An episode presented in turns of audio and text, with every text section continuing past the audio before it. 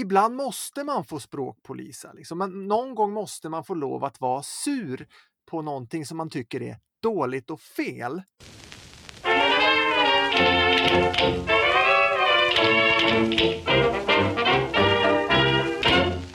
Lysande lagom. Nytt avsnitt av Lysande lagom, eh, podden där vi pratar om svenska språket, svensk kultur, om att lära sig svenska och allt däromkring. Och det är med mig, Emil Molander. Och det är med mig Sofie Tegsollen Devo och vår gäst Alexander Katurgi som är aktuell med boken Svenskan går bananer som handlar om översättning svenska. Välkommen Alexander! Tack så mycket! Kul att vara här igen. Eh, och idag så ska vi egentligen prata om det här med vad, vad, är rätt och fel. Och jag tror att vi ska börja med liksom, den stora heta potatisen här i svenskan. Alexander, hur är det egentligen med ordet tillbringa? Egentligen. Ja, ska vi börja med egentligen eller ska vi ja, börja med vi, vi, kan, vi kan börja med egentligen och sen övergår vi till tillbringa. Egentligen är ju ett uh, uttal som ligger lite lättare i munnen. Uh, lite lättare, uh, särskilt för en svensk. eftersom vi bara har två ord där man har en TL på rad. Sådär. Så det är helt Va, enkelt... Vilka är, det? vilka är de två orden? Egentligen och äntligen. Äntligen. Jaha, okay. Äntligen. Men vi har ganska många ord med NKL eh, mm. på rad. Så då bara förenklar vi lite till det. Vilket vi gör med massor av ord hela tiden. Det där ja, jobbar precis. vi jättemycket med som andraspråkslärare. Att vi säger inte det är, utan vi säger det är ofta till exempel. Ja. Okej, men tillbringa då? Tillbringa, ja. Det här är inte spendera vi menar här. Vad kan man tillbringa? Tid eller pengar? Eh, ja, man kan ju inte tillbringa pengar. Eh, det kan man ju faktiskt inte göra. Nej, just det. Det är spendera vi ska prata om. Yrkes, yrkesskadade. Jag tyckte tillbringa var ett väldigt bra ord. Det är ja. mycket, mycket intressantare att prata om det. För... Får man säga att man spenderar tid eller ska man säga att man tillbringar tid? Eh, man får säga båda. Men varför... båda är översättningssvenska. Båda är översättningssvenska. Båda är inlånad från engelska eh, konstruktionsmässigt. Däremot är vi bättre på att känna igen spendera tid som översättningssvenska för att det heter mm. spend time på engelska. Eh, men för, det var inte alls länge sedan som spend time istället direkt översattes till tillbringa tid. Mm. Eh, så det handlar ju fortfarande om en direktöversättning, bara att vi inte använde eh, ett besläktat ord. För på ren svenska, om man ska säga så, och det är ju ett problematiskt begrepp, men då eh, en problematisk term, men på ren svenska blir det vara, ägna. Mm. Eller, eller umgås, så det, det, finns ju också på Ja, engelska. precis. Det beror, det beror på sammanhanget. Jag har tillbringat mycket tid i Spanien. Ja, jag har varit, mycket, jag har varit i Spanien. Jag har varit i Spanien, jag har varit i Spanien en hel del, ja. Mm. ja precis. Men jag kan säga, jag har tillbringat en vecka i Spanien. D där känns ja. det väl kanske lite mer eh, motiverat tycker jag att använda tillbringat när man specificerar ett tidsintervall sådär, eller? Absolut, eh, men det är ju fortfarande lite så här åt översättningssvenska hållet. Mm. Saken med översättningssvenska är ju att det kan, eh, man, kan ju absolut prata om översättningssvenska i en mening eller i en fras. Eh, och det är ju det, det jag gör i boken för att det är lättast så. Men eh, översättningssvenska kan ju också gälla på textnivå och då kan det handla om att en viss fras eller konstruktion dyker upp mycket oftare i en översatt text än i en inhemsk text. Mm. Och det är då, då är då en sak man kan se att ordet tillbringa är mycket vanligare i översatta texter. Okej, okay. och spendera antagligen också, tänker jag, eller? Ja. Jag har inte kollat upp det, men det lär ju vara så. Eller enligt, enligt kritiker, enligt språkpoliser är det i alla fall så. Eh, mm. Så vitt jag vet är det ingen som har forskat på saken. Ett ord som för mig är översättningssvenska som jag rättar väldigt mycket när jag rättar andra språksinlärares texter. Det är ordet människor. Mm. Det är någonting som de som lär sig svenska använder för mycket. Mm. Mer, för de, de, kan skriva till exempel eh, många människor tycker att eller vissa människor anser att eller svenska människor brukar. Eh, alla människor bör. Men det gör man inte riktigt på svenska utan man tar bort det. Man säger istället många tycker att eller vissa tycker att eller ja. svenskar så vidare. Absolut. och det, ja, absolut eh, översättningssvenska. Och det, där handlar det, det handlar ju inte direkt om ordet människor i sig egentligen, utan det handlar ju ganska mycket om att vi på svenska eh, gärna använder adjektiv eh, substantiviskt, alltså som huvudord i nominalfraser så att säga. Mm. Och, och, så vi säger bara, ja men många, eh, eller vissa, eller svenska. Eh, svenskar kan vi göra. Boende, ja. Boende. Ja, det är liksom där också. Äldre, äldre istället för äldre människor. Ja. Äldre brukar. Mm. Det, det gör man förvisso på just, med det, just det använder man ju också på engelska, the elderly. Eh, mm, för det är så pass vanligt. Men, eh, men ja, i allmänhet absolut. Mycket mer adjektiv. Nakna adjektiv om man kan kalla dem för det. Precis, och där har du ju ordet person som, du har en lista med ord som är vanligare då i översatt än i inhemsk text och då har du bland annat ordet person där och det måste väl vara lite syndrom av det här liksom. Ja, precis. Det är, det är många personer istället för många. Ja. Sen finns det ju en annan aspekt med just person och människor också, det är att eh, eh det kan vara lite svårt att översätta eh, engelska people. Mm. Eh, som ju ibland kan bli personer och ibland kan bli människor och ibland kan bli folk eh, på svenska. Eh, och eh, ja, det är lätt att ta fel, särskilt då som, eh, eh, som inlärare. Ja, precis. När man lär sig språket så kan det vara väldigt svårt att se den nyans, nyansskillnaden. Jag brukar alltid säga någonting, liksom att man pratar om människor, då är det liksom människor eh, till skillnad från elefanter eller alligatorer, liksom att det, det finns någon slags art. Eh, mm. mm eh, perspektiv där. Men, men, men i din, din bok här, Svenskan går bananer, så, så lär du får man ju lära sig väldigt mycket om, om språket och översättning och mm, på ett liksom ganska intressant plan som inte bara handlar om själva eh, språket utan också liksom förutsättningarna för att kunna översätta från engelska till svenska framför allt. Eh, men, men en sak som också är väldigt rolig med din bok, det är att du har långa, långa, långa listor på liksom, exempel på det du kallar översättningssvenska, alltså översättningar som, som liksom syns och som inte känns riktigt, riktigt liksom naturliga i svenskan. Eh, och jag tänkte att du skulle få eh, reflektera lite över några av de här eh, och säga vad som skulle vara en bättre översättning i olika sammanhang och varför du tycker det. Och mm. det första ordet här är Jesus. Ja. det är svårt att översätta till något annat än alltså, Jesus. Man, man kan ju tycka att det är svårt att översätta, absolut. Det är ett namn. Eh, mm. Men, men sammanhanget här är ju då att använda Jesus eh, som kraftuttryck.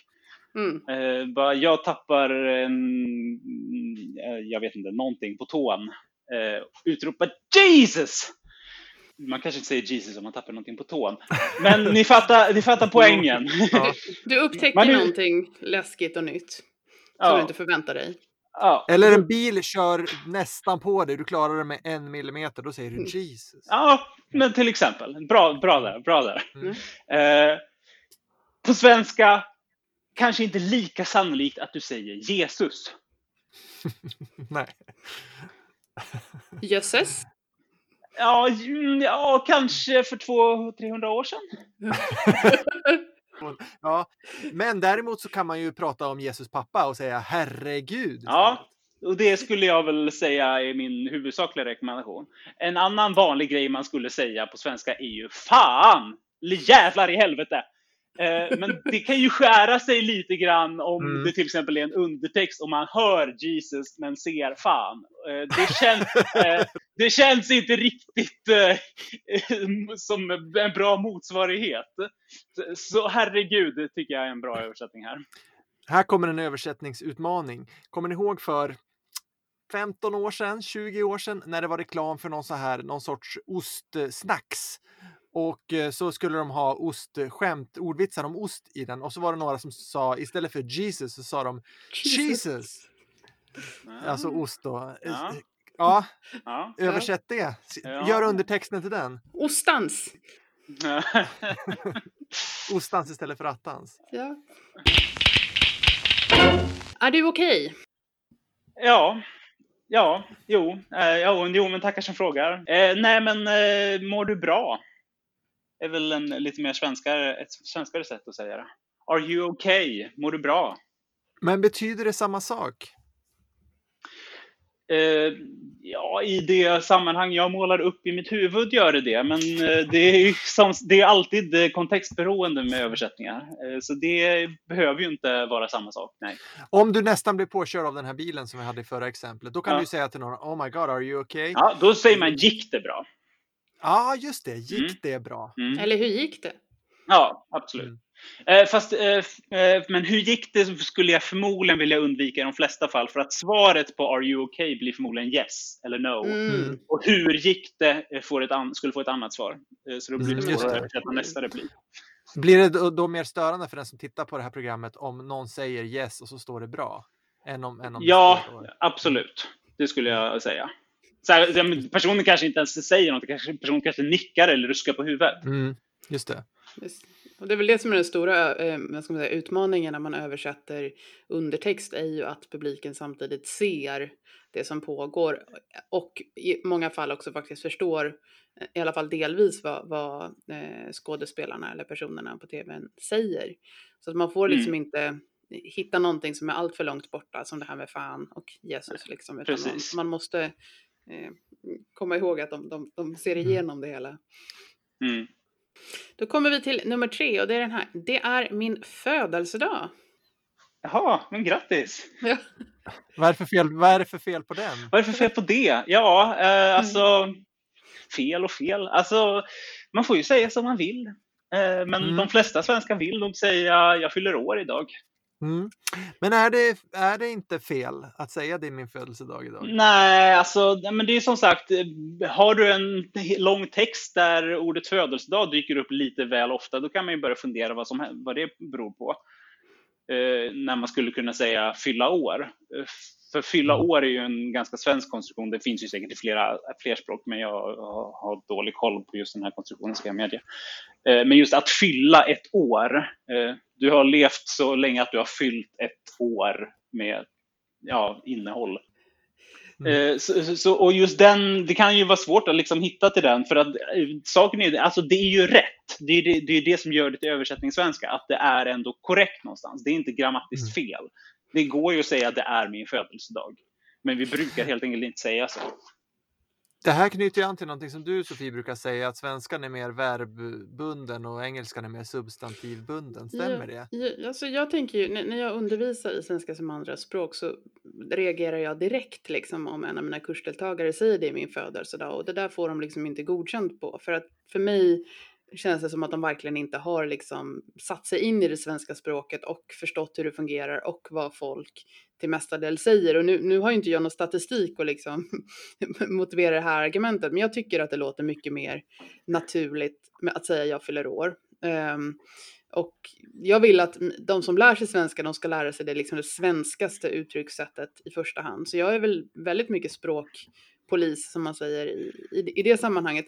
Men, men absolut, jag, jag har ju en teori om det här att, att det är väldigt många verb i svenskan när man på många andra språk väljer ett adjektiv eller ett substantiv och att man i första hand liksom ska försöka välja ett, ett verb. Och jag tänker till exempel, um, vi har ju många verb på svenska som är till exempel duka, bädda, gapa, tända, släcka. Det är ju alla saker som på engelska skulle kräva först ett liksom lite, mer, liksom, lite mer generiskt verb och sen ett substantiv som så att säga specificerar vad man pratar om, alltså turn off the light, open your mouth. Um, och det där hävdar jag, det ska man verkligen tänka på om man, om man liksom har att göra med två språk samtidigt, att svenskan gillar verb. Ja, det, jag, jag håller med, absolut. Så, så är det ju. Vi älskar verb. Och är det inte verb, då är det samma, långa sammansättningar. Eller långa, helst inte långa, men eh, jämfört med engelskan blir de ju ganska långa.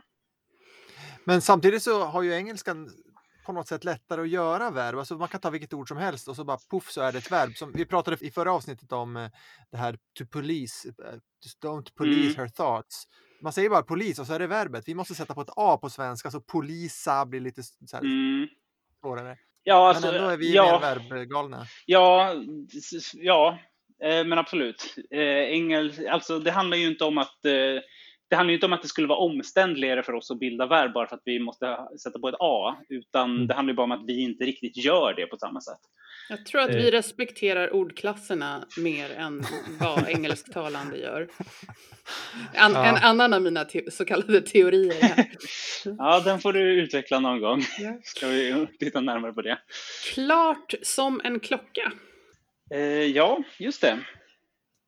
Clear as a bell.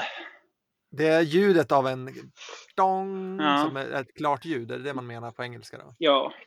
Heter det klart som korvspad då på svenska? Ja, det, det skulle jag väl säga. Eh, om vi ska liksom fortsätta på samma spår med en liknelse. Klart som. Mm, men då låter man ju som sin farfar. Ja, men lite grann. Lite grann. Eh, I vissa kontexter kan det ju liksom vara motiverat. Att, alltså, kanske inte nödvändigtvis att det ska vara gammaldags, men just att vi gärna vill ha en liknelse.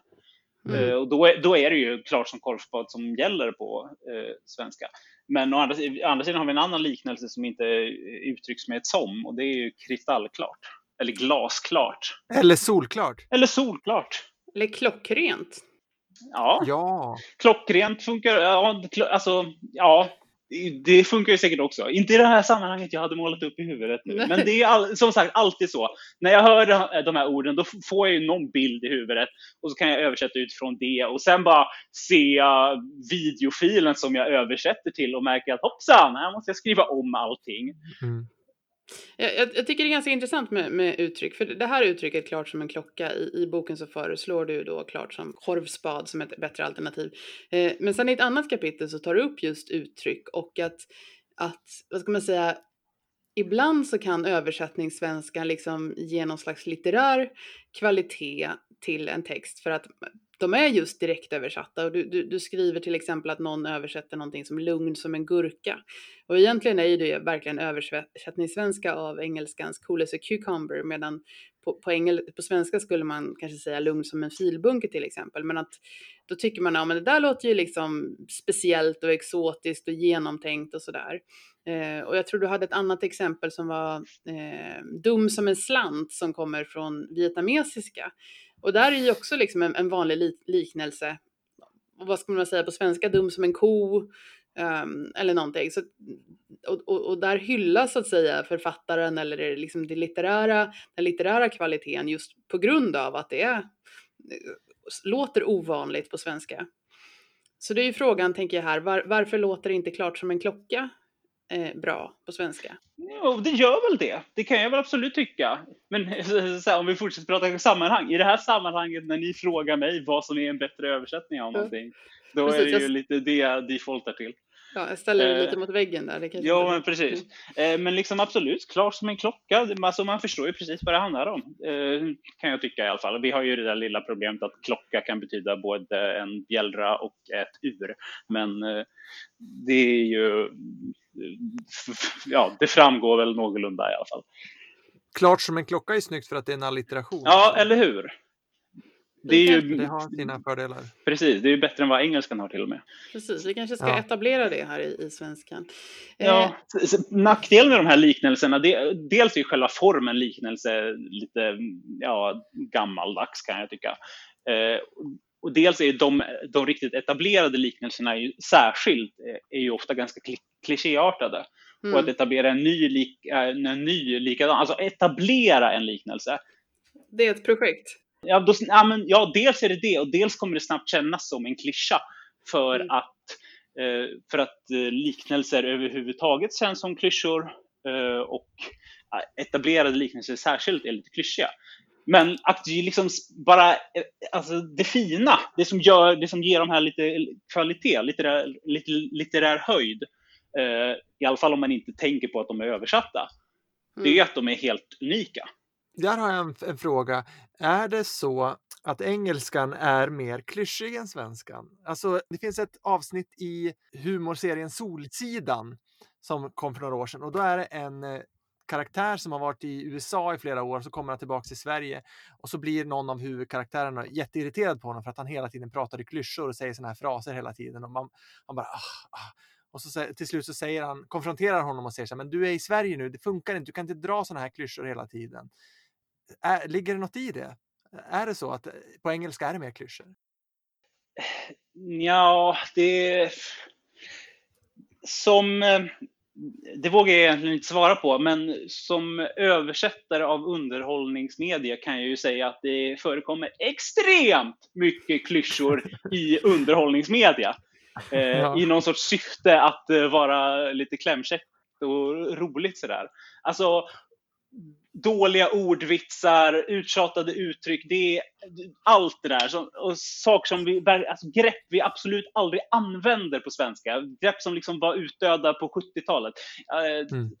Bara nyhets, eh, nyhets, eh, alltså nyheter, tidningar, tidningsrubriker och så här, tv-nyhets ja, de här eh, te texterna som rullar på skärmen. Liksom. Ja, just det. Tick, sån här ticker, eller vad heter det, som bara rullar i nedre delen av bilden. Ja, precis. Jag har glömt vad de heter. Eh, mm. I alla fall, jättemycket ordvitsar på engelska.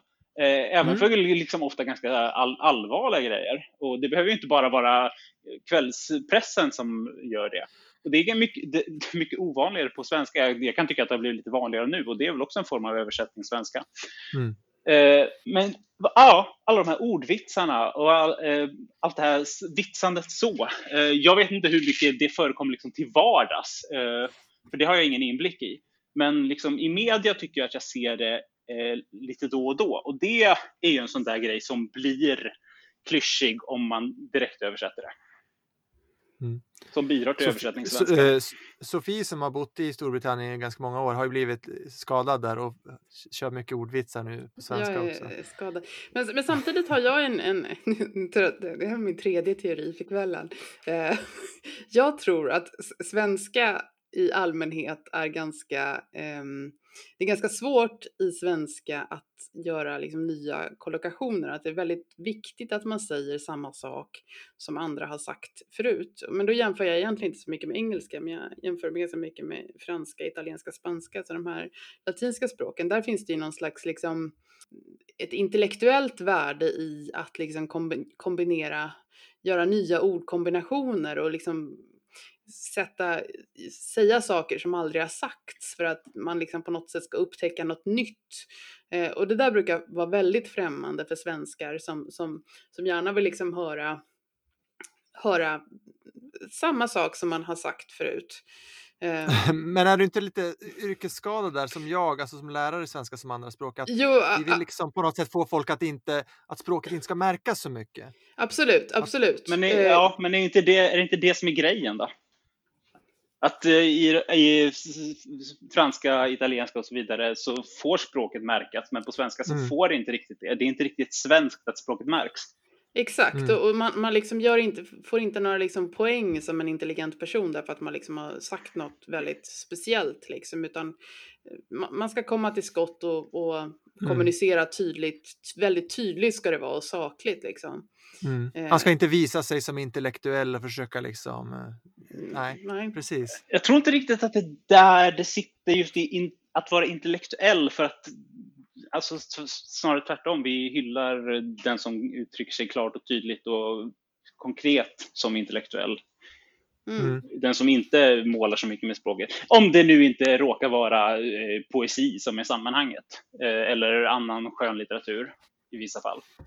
Men, men jag, alltså, jag håller med. Jag, eh, jag tycker att jag ser eh, det här. Eh, och jag, tycker, alltså, jag känner många och, och ser många eh, som lär sig svenska som eh, ett andra språk eller som ett främmande språk. Att eh, de känner sig frustrerade över att de inte kan uttrycka sig kreativt. Mm. Att de inte kan leka med språket. för så fort de gör det, då är det någon svensk, och inte sällan deras lärare, som liksom misstol- missuppfattar och tror att de bara inte har förstått. Eh, och liksom ger dem fel och ja, de känner sig hämmade. Eh, och det är liksom, i den situationen kan jag ju förstå det, för det är, alltså jag har ju själv varit där eh, och liksom vet inte om jag ska säga till, är det här liksom, är, är du smart nu eller har du bara missat någonting? Eh, jag vet inte vad jag ska säga. Så jag kan ju förstå att det är svårt för en lärare, men det här för, händer ju inte bara i klassrummet utan även utanför. Liksom personer som ändå har mm. pluggat svenska i flera år och ändå talar det någorlunda flytande. Som kanske ja, drar något skämt eh, åt en kompis och kompisen bara nej fast du så där säger man faktiskt inte på svenska. Det heter inte så. Och man bara åh jag vet vad det heter. Jo, nej, men det där är ett, ett, ett stort problem. Eller, nej, nej, vänta, man säger inte problem Det där är en stor utmaning. för eh, eh, alltså, det, det, ingår, det tillhör mitt jobb att att berätta om svenska kommunikationsmönster och, eh, och liksom hur du ska göra för att liksom vara som alla andra.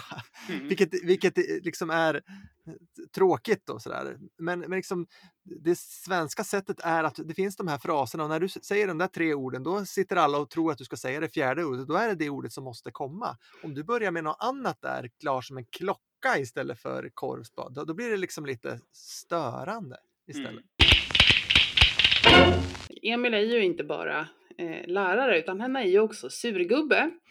Eh, mm. Så jag tänkte att du Emil har ju faktiskt samlat några sådana här saker som man kan gå och sura sig och bli riktigt förbannad på när folk säger och känna att det här, det här, är, det här är verkligen inte okej. Och nu pratar vi kanske lite mer om modersmålstalare igen. Och, mm. Vad är din lista här?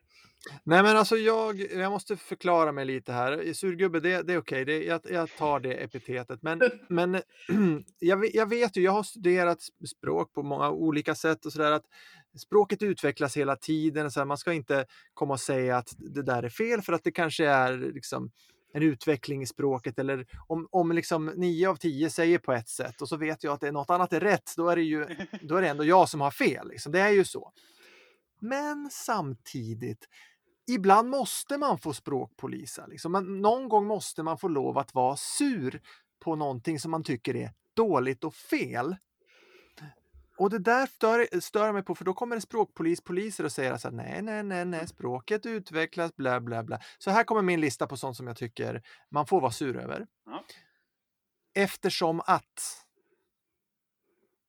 och nu ska ni ge mig godkänt här. Får jag vara sur när, över att folk säger eftersom, eftersom att... att jag är så trött idag så behöver jag en kopp kaffe. Nej men ja. det känns väl rätt bekvämt. Säg, brukar jag säga det? Nej men sluta. Eftersom att. Eh, Två vi, vi, subventioner efter varann. Eh, alltså ja, det, vi har därför att. Mm. Som att. Men det är ju, det är ju ett, ett adverb och en, alltså det är inte... Ja absolut, men okay, konstruktionen är ju liknande eh, på ytnivån. Mm. Om man inte mm. börjar tänka i ordklasser, vilket man sällan mm. gör när man pratar. Jo, det är sant. men, men eftersom att det är ju där måste man ändå få säga att det är ett sämre språk att säga eftersom att än att bara säga eftersom. Och jag får säga det när jag undervisar i svenska som andraspråk för då är det liksom nästan min skyldighet att säga det för att ja. de ska veta att det finns surgubbar som jag där ute som ja, det är anmärker på Absolut, och det, är, det måste jag ju bara säga att det är ju liksom en av de stora eh, argumenten för språkviktighet. Det handlar ju inte om att, vad som är rätt och fel, utan det handlar ju bara om vad vissa surgubbar kommer eh, haka upp sig på. ja, och, det är liksom, och det kan jag tycka är lite sorgligt, att ja, så här måste du säga, för det finns vissa som kommer bli sura annars. Mm, eh, mm. Och det, men sen, alltså, det är klart att det finns en poäng med eh, språkriktighet och att eh, språket inte ska utvecklas för snabbt och sådär. Men mm. eh, just eh, de stora frågorna inom språkriktighet, det är ju, sån, det är ju liksom strider som redan är förlorade i de allra ja. flesta fall. För de, de, ja. de strider som inte är förlorade, de brukar man heller inte prata så mycket om, för det finns inte så mycket att säga. Alla bara är överens om att det här är ju fel. Ja, alltså jag har lyssnat på jag tror 30 studenter idag som har redovisat och 9 av 10 säger eftersom att. Så ja, att det, den, det slaget är också förlorat, men jag, jag kan surgubba ändå. Ja, absolut. Um, Okej, okay. uh, eh, jo, och, och jag, jag, jag säger ju också det där till exempel när det gäller ordet hen som jag inte har några problem med överhuvudtaget. Men där, där måste, när jag undervisar som lärare säger jag så här, ja men tänk på att eh, vissa surgubbar eh, blir sura över hen så ja, det finns en liksom, eh, för jag, för jag tycker att det, det är schysst eh, det är, det är det enda som är schysst att, att mina studenter också vet det som jag vet, att mm. det finns en konflikt kring ordet hen. Ja. Jag kan inte bara säga kör på. Du säger inte tänk på att vissa surgubbar ogillar eftersom att Nej, jag säger till dem så här, det är lite bättre med Lite bättre. ja. Men jag suger, nej, men för, för, att jag måste, nästan kunna, jag måste nästan kunna använda de begreppen när det är språkundervisning. Alltså mm. där finns det liksom någonting som är bättre än någonting annat. Men sen om det är en modersmålstalare så kan inte jag komma här och säga att du ska säga si eller så. Men det är en annan sak när jag undervisar i språket för de som lär sig det som vuxna tycker jag. Okej, nästa, nästa mm. gnäll, gnällspiks eh, uttryck. Tillbaks på ruta noll. När någon säger det, ja nu är vi tillbaks på ruta noll. Det är ju bara fel. Det här är en liknelse som handlar om någon sorts eh, spel, eh, brädspel och det finns, inget som, det finns ingen ruta som är noll. Man börjar ju på ruta ett, den första rutan. Ja. Det är fel. Eh, Då får jag bli sur. Jag tycker ändå att det är progressivt av dig att använda tillbaks och inte tycka att det är fel. eh, istället för tillbaka. Eh, så, så, ja, nej, du ser, det är jättebra. We're making progress here. nej, nej, nej, nej, nej. okej, okay. jag är bara sur över det som jag är sur mm, över. Ja, absolut, nej, men absolut, jag menar inget annat. Men jag bara säger att det finns, alltså du ska ju veta det Emil, att det finns vissa surgubbar där ute som kan mm. tycka mm. att tillbaks är en sämre form. Särskilt mm, om det mm. stavas mm. T-E-B-A-X. Men, men alltså, ja, det där. men, men, men jag, tycker, jag tycker jag gillar det där liksom rebelliska och snacka om ruta noll, så jag har absolut inga problem med det. Uh, men det är lite så samma som att man säger att man ska kny knyta skorna. Men man knyter ju inte skorna, man knyter skosnörena. Det kan man ju också mm. liksom haka upp sig på att så här är det inte. Um... Nej, men det är inte en liknelse.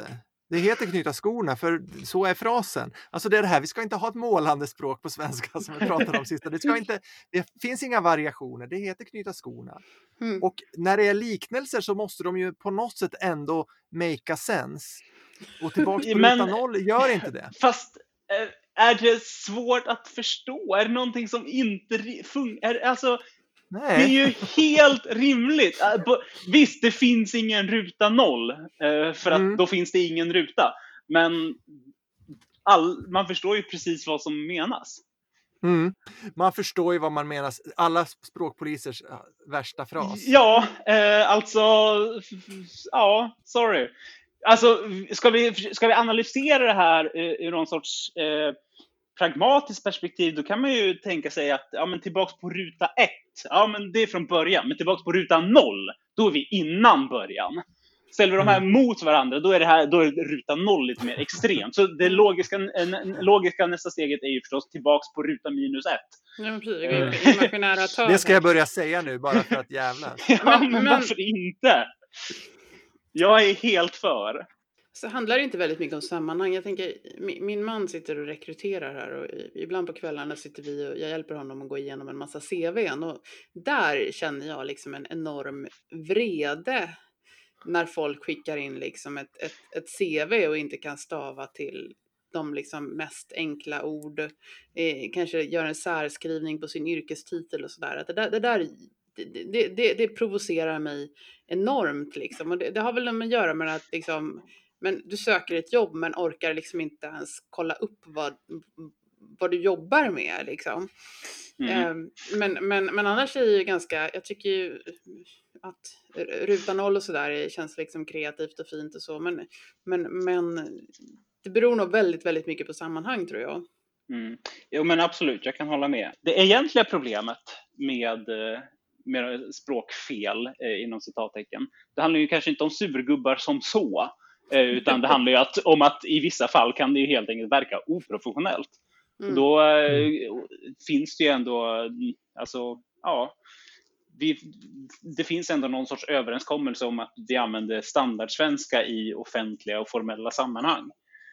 Mm. Eh, och sen att standardsvenskan utvecklas, ja visst, men den gör det ganska långsamt och eh, står vi där med två likvärdiga eh, eh sökande så kanske vi väljer den som mm. stavar rätt. Ja. ja, men, och det där, är, det där är ju lite ett argument för språkpoliseri också. För att när du översätter en text så vet ju du vad som är rätt. Mm. Ja men absolut. Du, alltså... du, skulle aldrig skriva eftersom att. Men sen ska eh, du låtsas som att det är bra också när någon annan gör det. Alltså det, det handlar inte om att det är bra, det handlar bara om att det inte nödvändigtvis är dåligt. Uh, alltså språk är ju inte bra eller dåligt enligt sådana mått. Alltså möjligen, alltså det enda, det enda som är bra eh, eller dåligt i språk, det är ju när vi pratar om stil, eh, kan jag tycka. Och, eh, mm. och så begriplighet. Men begriplighet är ju en lite mer basal nivå. Eh, men, eh, men, men alltså det är klart att jag vet vad som är rätt. För jag har ju hållit på med det här länge och jag har ju varit språkpolis och det, det har ju de flesta språkvetare. Mm. Det, det, är så väldigt många kommer in i den här branschen. Liksom. Men, mm. men, men alltså, nu kommer jag att låta lite elitistisk här, men, men, och det hoppas jag att ni förlåter mig för. Men, men alltså, de, de, de språkpoliser som inte blir språkvetare, det är ju ofta folk som har ganska dålig koll på språket och liksom skriver eftersom att folk uttalar, eh, folk skriver dem istället för det och så har de liksom själva gjort tio misstag liksom i sitt eget klagomål. Så det finns ju den här liksom frågan också. Att vi, vi, står upp för, för de, vi, de som gör fel, men egentligen kanske vi borde stå upp för de här språkpoliserna som inte heller kan. Ja, som står upp ja. för, alltså elitist, alltså... Stå upp för är en översättningssvenska, jag hatar uh, Nej men uh, det finns ju alltså framför allt handlar det väl om, det handlar ju kanske inte om att stå upp för eh, vadå, den som gör fel ibland som så, utan att eh, stå upp emot eh, personer som faktiskt hånar och kränker andra. För, mm. bara, för, bara för något så enkelt som deras språk. Liksom, det, det, det är ju larvigt. Mm. Nej, men det ska man inte göra. Men, men jag tycker, eh, det ska man inte göra, men. Där wow, ja. Nej, man ska inte göra det. eh, jag vill dock, nej, jag ska inte säga dock heller. Man, man hör ju ibland så att språkpoliser är snobbiga. Alltså att komma här och säga, tycka att du är bättre än andra. Och, men det är det de inte är. Nej, men jo, det kanske de är. Det finns, det finns språkpoliser av alla slag. Ja, men det är ju lika snobbigt att vara språkpolis-polis i det här att ja, jag vet ju vad som är rätt, men jag tänker låtsas som att, att alltså, att det inte finns olika hierarkier, att det inte finns ett språk som anses bättre i vissa sammanhang. Alltså att vi behöver inte sträva mot att folk ska lära sig liksom en viss Fast svenska det, ja. som är gångbar, som är mer gångbar än andra. Fast det är ju inte, det är ju ingen som säger så.